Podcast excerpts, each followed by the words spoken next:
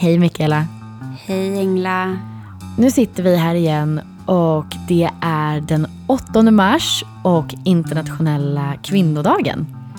Ja, och vad är inte bättre än att spela in ett avsnitt om just kvinnor och framgång och hur man faktiskt ska göra karriär. Ja men exakt för att vi har ju nu ehm, eh, valt att spela in vårt första specialavsnitt som fokuserar lite mindre på juridiken och lite mer på, eh, i det här fallet, inspiration och karriär och advokatbranschen. Och vi har ju valt att göra just byråkarriär och eh, där kan man ju se, precis som inom andra branscher, att det är underrepresenterat av kvinnor i toppen. Det finns inte lika många kvinnliga delägare. Och det här är ju någonting som alla byråer, eller i alla fall de flesta, jobbar väldigt hårt med. Just för att det har tidigare funnits en bild av att man till exempel som mamma inte kan göra karriär samtidigt eh, på byrå exempelvis.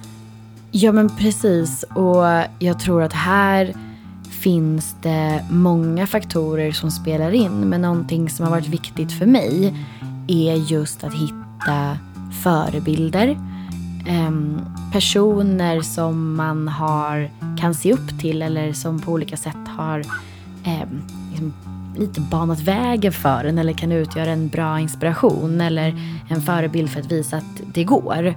Och här hade ju du och jag, vi har ju haft jättemycket diskussioner om det här att, att jag hade önskat kanske en, en ännu tydligare bild av hur faktiskt fördelaktigt till exempel i att jobba på, på en advokatbyrå medan man har familj för att man är konsult.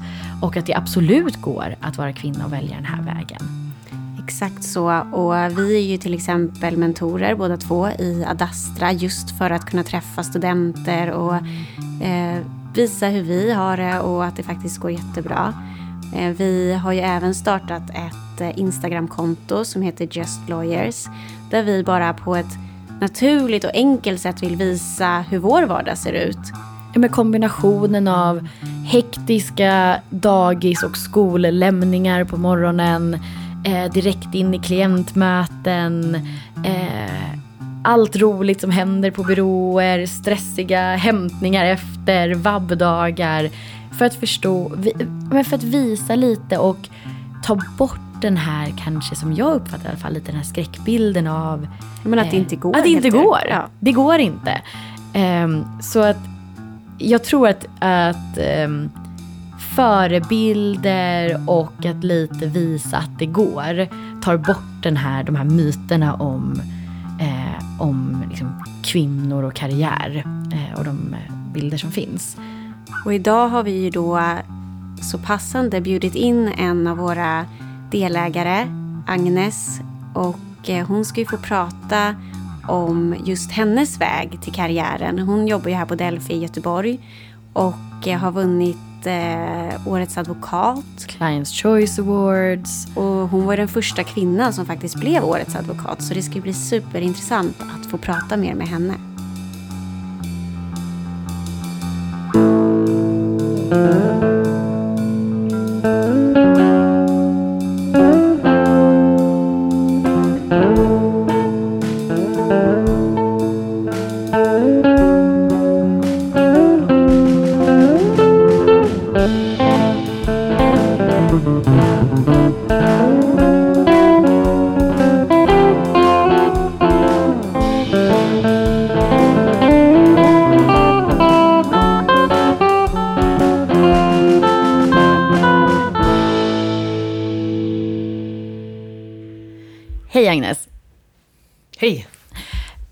Otroligt glada att få ha dig här idag och få prata lite mer med dig om din karriär. Men jag skulle först vilja att du berättar lite om dig själv bara. Du har ju en otroligt eh, häftig bana. Och du är otroligt framgångsrik, du är delägare på Delphi Göteborg, du har vunnit Clients Choice Awards. Berätta lite om dig själv. Ja, vart ska man börja? Jag eh, är ju jurist, advokat, jobbar med digital juridik, tech, eh, IT, dataskydd, alla de frågorna.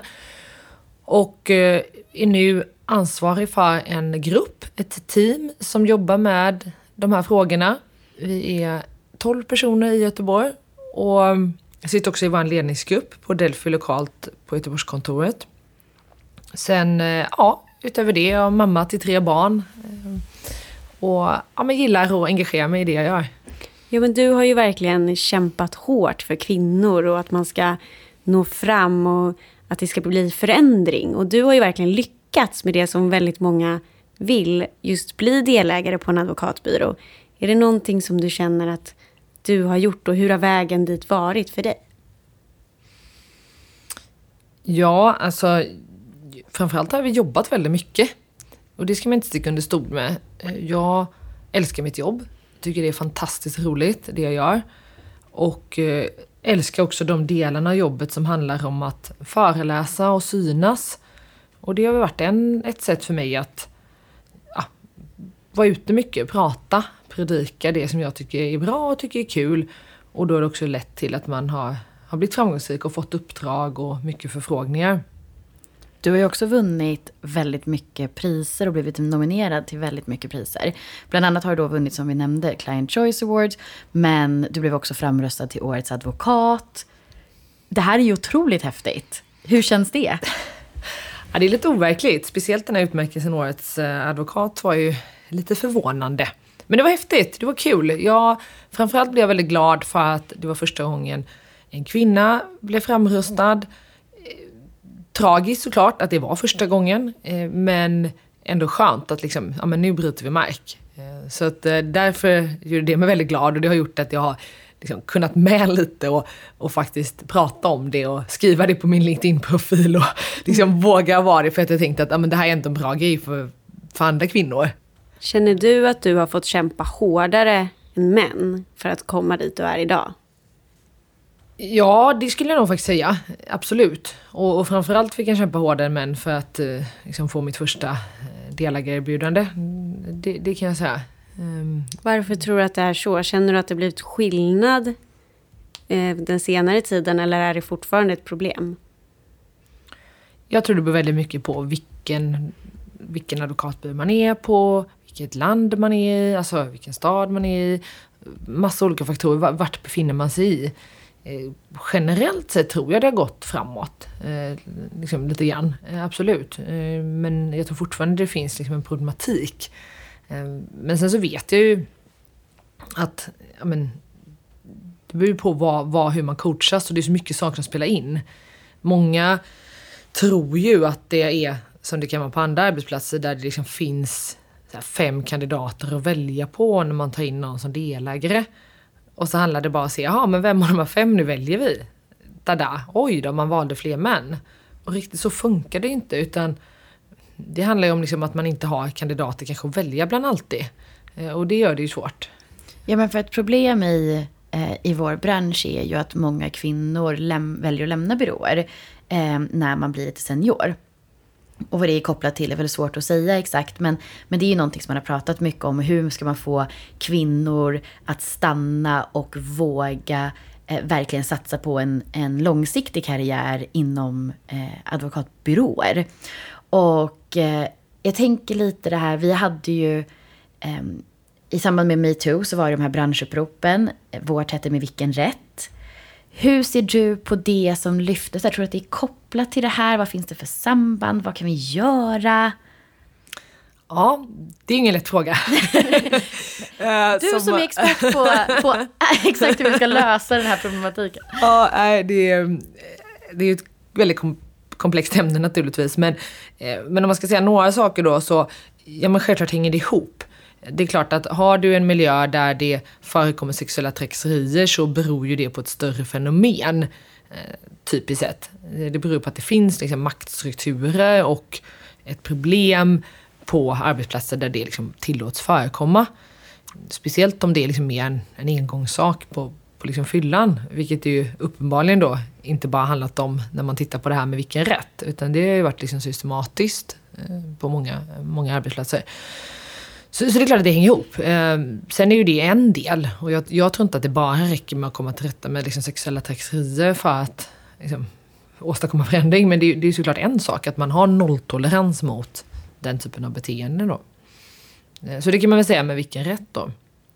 Eh, men sen i övrigt, så här, den här lite större frågan då som man kan prata länge om, så här, vad, hur får man seniora kvinnor att stanna på advokatbyråer? Eh, så tror jag det är massa olika faktorer som spelar in. Det är ju såklart så att det är brist på förebilder, absolut. Och då blir det liksom självuppfyllande någonstans att det finns inga som lyckas. Och de få som lyckas är personer som har jobbat väldigt hårt och kanske liksom verkligen fått offra saker så i, i familjeliv och annat. Jobbat väldigt mycket. Och det är klart, det, det, skapar inte en bra miljö när det är på det sättet. Att det blir liksom mycket svårare för tjejer och kvinnor att lyckas då. Då är det klart att då, då skrämmer man ju bort personer, givetvis. Ehm, så det tror jag är en sak, att liksom visa på att det finns personer som lyckas och att det också finns kanske de personer som inte liksom, jobbar ihjäl sig som lyckas. Om man ska vara helt krass då. Mm. Ehm, för framgångsrika kvinnor i advokatbranschen har ju alltid funnits men Eh, så det är en sak då. Eh, men sen så tror jag att det är så mycket mer. Att det handlar om att liksom förändra så att man inte har några strukturer där eh, kvinnor missgynnas. Alltså man säkerställer det. Att man ger alla lika möjligheter oavsett kön. Att det är liksom, samma möjligheter att lyckas. Du är ju ansvarig för en grupp som du berättade om i början. Känner du att du jobbar med de här frågorna aktivt? För förebildsdelen eh, tror jag, den, den kan man ju verkligen se att du uppfyller, i alla fall för oss. Men hur jobbar du? Hur har du tänkt eh, att jobba med de övriga bitarna? Mm. Jag tror väldigt mycket i en konsultverksamhet. Att det handlar om att lära unga jurister allt det där runt omkring på lika villkor. Och det kanske baserar sig på egna erfarenheter. Jag pratar ju väldigt mycket med gamla kurser, gamla kompisar, eh, kollegor och som ser så här, varför har ni slutat på advokatbyrå? Varför, varför stannade inte ni? Och eh, liksom också hör ju. Och jag är ju helt övertygad om att det inte handlar om att tjejerna skulle vara sämre jurister eller jobba mindre. Därför att min erfarenhet är att, att det finns otroligt mycket kompetenta kvinnor och att de också har jobbat väldigt, väldigt mycket på advokatbyrå. Så, så det, liksom, det, tror jag inte på alls. Men, men jag tror istället att det kan handla om saker runt omkring. Som att, eh, i alla fall innan, eller tidigare, så var det mycket så att många män blev medtagna på pitcher, på liksom säljevent, fick lite tips och tricks. Alltså coachandet i det där med kundvård och få in uppdrag och liksom hur man ska synas och höras på ett sätt som kanske inte kvinnorna fick på samma sätt då. Och det, det har jag jobbat mycket med, att liksom man ska få ge alla samma möjligheter oavsett kön, oavsett bakgrund, att få lära sig kundvård, få lära sig liksom, sälj, hur tar man hand om svåra situationer, hur fakturerar man, hur jobbar man med eh, liksom att hålla föreläsningar, eh, att skriva artiklar eller vad det nu är som passar en själv. Men liksom att allt det där som inte är att bara sitta och skriva ett PM eller skriva ett avtal eller liksom så. Eh, så, så det, det, är liksom ett svar på frågan. Det är en sak som vi, och det har vi, jobbar ju vi mycket med på Delphi, att liksom vi har utbildningar i även sånt. Eh, det är inte bara utbildningar i att bli duktiga liksom, avtalsjurister, utan det är väldigt mycket fokus på liksom, hur hanterar man kunder och, och hur får man in uppdrag och så. Exakt. Skulle, skulle du känna, både jag och Engla har ju barn eh, och vi får ju ofta väldigt mycket frågor om hur fungerar det, hur kan man vara en ung affärsjurist på en advokatbyrå med barn. Eh, och vi, för oss funkar det ju faktiskt väldigt bra. Hur har du eh, känt där? Har du, har du tyckt att det varit jobbigt? För du har ju också barn. Mm. Men jag tycker också att det funkar jättebra att ha barn. Eh, jag tillhör de som är övertygade om att advokatyrket har ju till sin natur otroligt bra förutsättningar att kombinera familjeliv. Alltså, verkligen. Ja. Om man jämför med många andra yrken, eller hur? Jo, men för att man kan ju vara flexibel på ett helt annat sätt. Just att man är konsult, man kan jobba hemifrån. Om det skulle krisa, man behöver vabba, så kan man ta upp sin dator och ändå jobba. Mm. Ja, och, och, eller låta bli att jobba om, man liksom, om inte det funkar. Liksom det, det är ju enklare när man har liksom kunder att förhålla sig till än om man pratar många andra juristyrken där du kanske sitter i eh, domstolsförhandling, den drar ut på tiden, du har en eller om du jobbar med, med brottmål, du har en häktad klient. Alltså många andra juristyrken är det ju ganska svårt faktiskt att kombinera familjeliv med. Eh, och kanske vissa bolagsjuristjobb med, speciellt om man jobbar ensam. Att det, liksom, det är bara du själv. Men på advokatbyrå så har man ju möjlighet att bemanna för att hjälpas åt. Och då kan man ju faktiskt säkerställa att om någon behöver vara hemma med sjukt barn, då finns det någon som täcker upp. Eller om att man säkerställer att ja, men man, man hämtar och lämnar på förskolan, man tar hand om sina, sin familj, man är, har ett liv. Eh, precis som om, om, man hade gjort andra saker. Och, och, det där tror jag är viktigt att man liksom verkligen pratar om det och liksom får bort den här normen som fanns förr i advokatbranschen att ja, må, många äldre advokater var ju vana med att de kanske hade en hemmafru som tog hand om, om liksom hem och familj och sådär. Och då liksom förutsatte man att folk satt länge på kontoret, eh, Eh, att man ja, liksom alltid fanns tillgänglig. Eh, men, men vi pratar mycket om sånt som att man, ja, jag kanske lägger in en tid eh, i kalendern där jag, det står att jag ska liksom hämta på förskolan och, och vara med min familj. Och, och, då ska den tiden respekteras lika mycket som om det var en jätteviktig liksom, förhandling. Alltså det här är så spännande för att det här knyter ju an väldigt mycket till också den här förebildsdiskussionen som vi pratar om. För att jag och Mikaela har haft den här diskussionen så mycket om under juristprogrammet. Då började man plantera det här. Man började prata om när man besökte byråer. Eh, så var det mycket prat kring så här. Ja, du kan ha barn, men se till att ha ett bra hemmasupport. Mm. Och det var väldigt ofta män som förklarade om det här bra hemmasupporten man hade. Och det är klart att det är viktigt med hemmasupport, men jag tycker inte att kvinnors karriärer, liksom mäns karriär, de är inte villkorade av bra hemmasupport. Jag är till exempel ensamstående, det funkar jättebra. Och det ledde till en sån frustration eh, att alla de här åren får höra så här, men Engla, myndighet. Myndighet är din grej. Det kommer bli så bra. Du har barn. Det här kommer bli perfekt. Jag hade ju samma sak. Det ja. var ju, myndighet kommer vara hur bra som helst. Jag skulle jobba på Datainspektionen. Var skulle du jobba? Eh, det var mest PRV, men de är inte ens i Stockholm. det var ju ett problem. det var att ta barnen och mannen och flytta. Nej, men, så att den här frustrationen ledde ju till att vi, just för att knyta an till det här du pratar om, om förebilder också. Mm. Så vi startade ju ett Instagramkonto då, eh, som heter Just Lawyers. Just för att vi kände att vi vill ge en bild för kvinnliga juriststudenter att det funkar jättebra. För inte, vi, vi hade ju också barn när vi kom in på byrån. Vilket är jätteovanligt att vara så himla junior och ha med sig barn. Och jag tror att vi, precis som du säger Agnes, vi behöver förebilder. Eh, nu är ju vi juniorer så vi blir förebilder på ett annat sätt. Mer än att vardagen går att få ihop. Men att man verkligen behöver visa, att det går. Och vi kan visa att det går och ju mer vi visar att det går desto mer kommer det också gå tror jag. Mm. Ja men verkligen, jag håller med helt och hållet.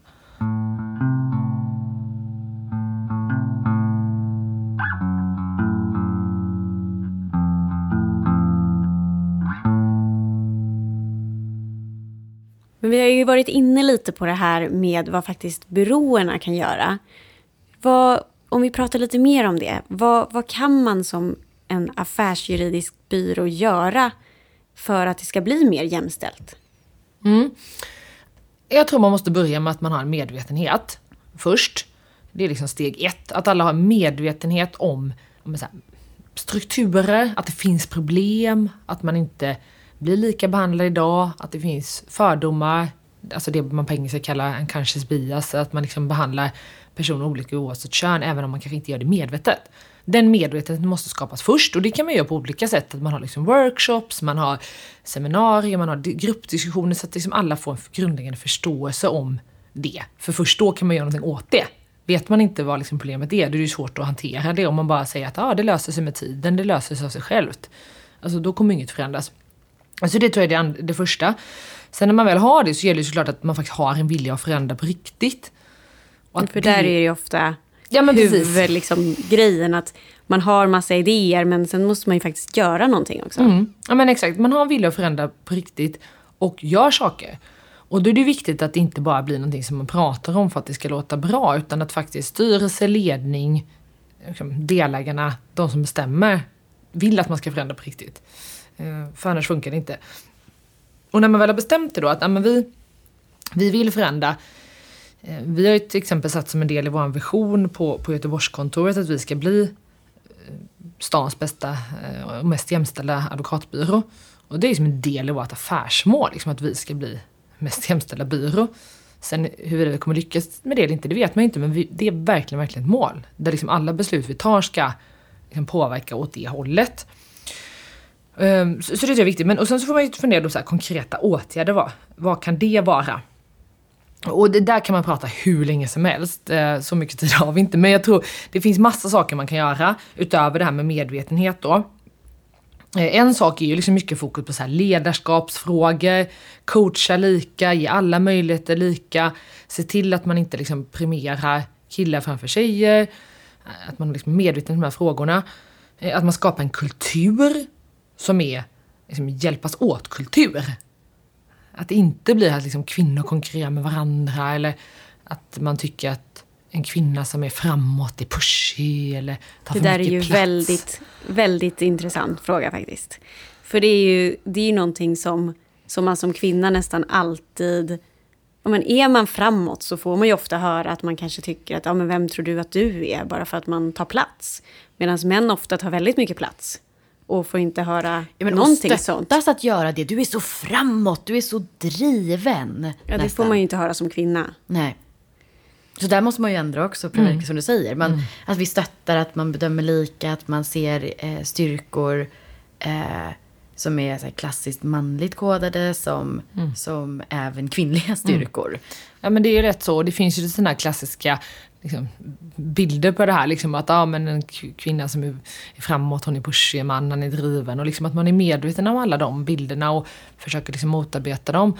Eh, så, så det är kultur, liksom, att jobba med den kulturen och att man kan liksom hjälpas åt, det är viktigt. Eh, men sen är det såklart givetvis sådana basala saker som nolltolerans mot sexuella trakasserier, att man eh, liksom, ser till att man ger folk, eh, alltså, när någon blir, får en ny titel eller, eller blir delägare, att det görs på samma villkor, att man inte har högre krav på kvinnor när man utvärderar eller eh, liksom, låter någon väx, eh, gå uppåt i karriärstegarna eller vad man nu har för modeller. Sådär. Men, och så också som jag sa innan då, att man faktiskt eh, skapar möjligheter för att få allt det här runt omkring på affärshusbyrå, att de möjligheterna är liksom samma för alla. Det är också viktigt.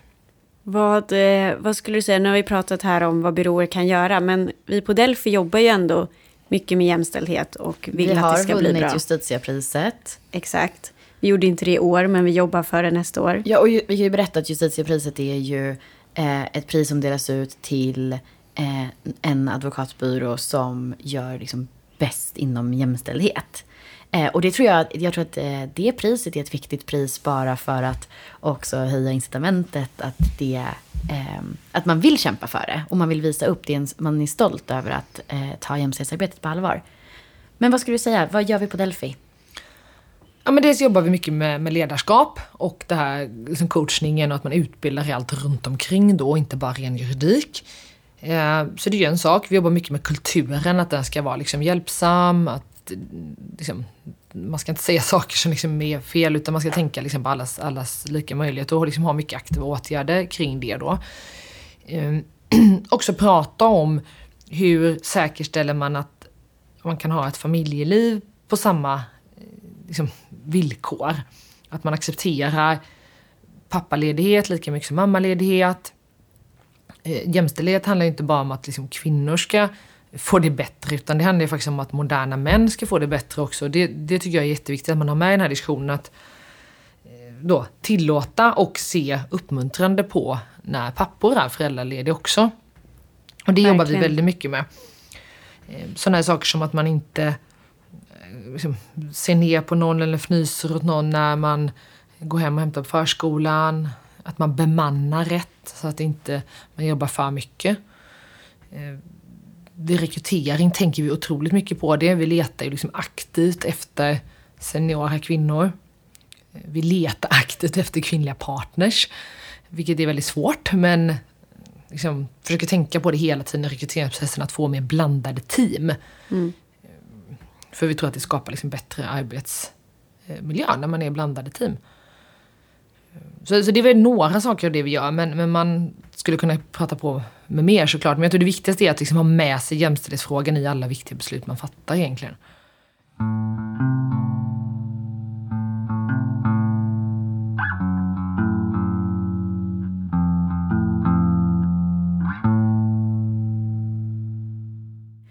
Men vi skulle ändå vilja prata med dig lite också om de frågor som du faktiskt jobbar med, nämligen den digitala juridiken, IT, tech, hur kom du in på det här, just det här området, men också Sen vill jag höra mer, vad tycker du är de stora utmaningarna just nu? Varför är det här så spännande? Jag vet ju vad jag tycker.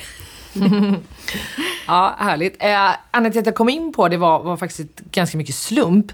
Eh, en av mina professorer på juristutbildningen övertygade mig och eh, faktiskt en nuvarande partnerkollega att eh, hoppa på en tvärvetenskaplig utbildning på Chalmers. Otroligt spännande, som var inriktad mot kunskapssamhället och det liksom digitala samhället. Där man då läste tillsammans med ingenjörer, ekonomer och, och sådär.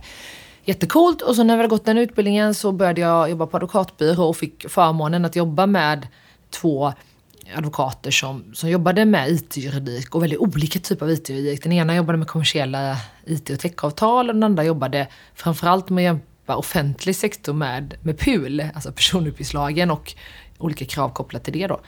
Eh, så, så då hade jag två väldigt bra mentorer som liksom coachade mig i, i, i det här yrket. Då.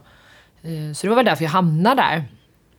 Eh, sen så den andra frågan då kring vad jag ser för utmaningar. Så har ju ämnet i sig en inneboende utmaning i att det hela tiden förändras. Samhället förändras fort, fort, fort och lagarna hänger inte med. Och det lever ju liksom alla vi inom som jobbar med det här. Att hur ska man tolka nya lagar i nya kontexter? Nu är det mycket prat om, AI, innan har det varit liksom prat om big data eller andra typer av fenomen eller vad man nu ska säga. Eh, buzzwords blir det ju lätt så här. Men, men liksom, hur ska man då tolka gamla lagar i kontexten av de här nya fenomenen? Det är väl egentligen det som den digitala juridiken alltid liksom brottas med då. Och vad skulle du säga är de stora frågorna just nu inom det här området? Vad är det nu? Vad, är, vad pratar vi om nu? Mm. Alltså nu är det ju väldigt mycket prat om molntjänster och hur kan man lägga ut eh, ja, liksom personuppgifter i molnet? När kan man använda den typen av tjänster? Vad ska man tänka på när man outsourcar? Så det, det är ju en jättestor fråga. Hur GDPR eh, kommer liksom utvecklas, tolkas och hanteras är ju såklart en annan. Och båda de här frågorna handlar ju mycket om att man inte har haft de här juridiska frågorna på agendan. Man har inte tänkt så mycket på juridiken när man har liksom anlitat IT-partner. Man har inte läst avtalen, man har inte gjort någon riskanalys utan bara kört på. Mm. Vad skulle du säga är de, eh, bara lite kort här nu, bästa tipsen till företag eh, inom det här området? Ja, det beror såklart lite på vilka områden det är. In, jag jobbar ju en hel del med liksom IT och digitaliseringsprojekt där man liksom lanserar internationellt. Och där brukar alltid mitt tips vara att liksom tänka internationellt från början. Alltså att man har liksom EU-perspektivet med sig och ser så här, nu gör vi det här rätt från början. Och inte liksom sen, för då blir det väldigt dyrt om man liksom sen ska göra rätt liksom land för land. Utan man istället sätter sig ner, vilka risker är beredda att ta? Hur, hur liksom mycket pengar kan vi lägga på det här? Och så prioriterar man det viktigaste. Eh, eh, så det gäller mycket när det gäller den här liksom typen av internationella eh, frågor. När det gäller liksom annan typ av juridik så är det väl på ett sätt samma sak. Att liksom sätta sig ner, göra riskbedömningar och tänka till innan istället för att liksom springa iväg och göra någon liten del liksom jättepetig och sen så inser jag att oj då, vi har inte mer pengar att lägga på juridik och så struntar vi i resten. Utan att liksom ta helhetsperspektivet från början.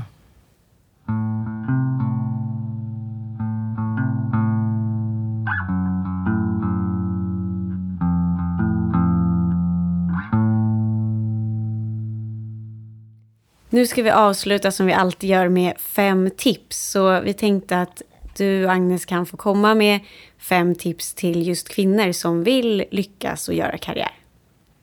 Mm. Ja, men då skulle jag börja med att säga skaffa bra förebilder. Som nummer två, eh, hjälps åt. Stötta varandra. Det är ju vanligt att man som, som kvinna liksom konkurrerar med andra kvinnor men det tror jag verkligen inte gynnar någon utan hjälps åt. Och snacka aldrig skit om varandra, andra kvinnor, utan liksom pusha varandra. Eh, nummer tre då är något som jag varit inne på lite grann redan och det handlar om att inte bara fokusera på att bli duktig jurist utan också fokusera på att lära dig allt runt omkring. Eh, och, och, och ta plats i det. Det kan vara någonting som du är bra på. Det kan vara att föreläsa, det kan vara att argumentera på möten, det kan vara att eh, skriva bra artiklar. Men liksom våga synas och höras och ta lite plats på den arenan du själv känner dig bekväm med. Alla kanske inte kan föreläsa, alla kanske inte ens skriva artiklar, men hitta någonting som du, där du vågar ta plats. Det tror jag mycket på. Eh, men sen som nummer tre då. eh, Fyra? Fyra blir det, precis, förlåt. Eh, Så skulle jag faktiskt ge ett lite udda tips och det är luncha alltid med någon varje dag. Luncha aldrig ensam. Eh, och gärna med någon liksom, utanför kompisgänget och utanför arbetsplatsen.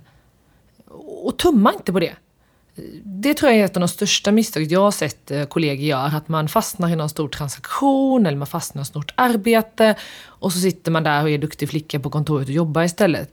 Gör inte det, utan ha som huvudregel att du alltid går ut och äter lunch med någon varje dag. Det kommer du ha jättestor nytta av.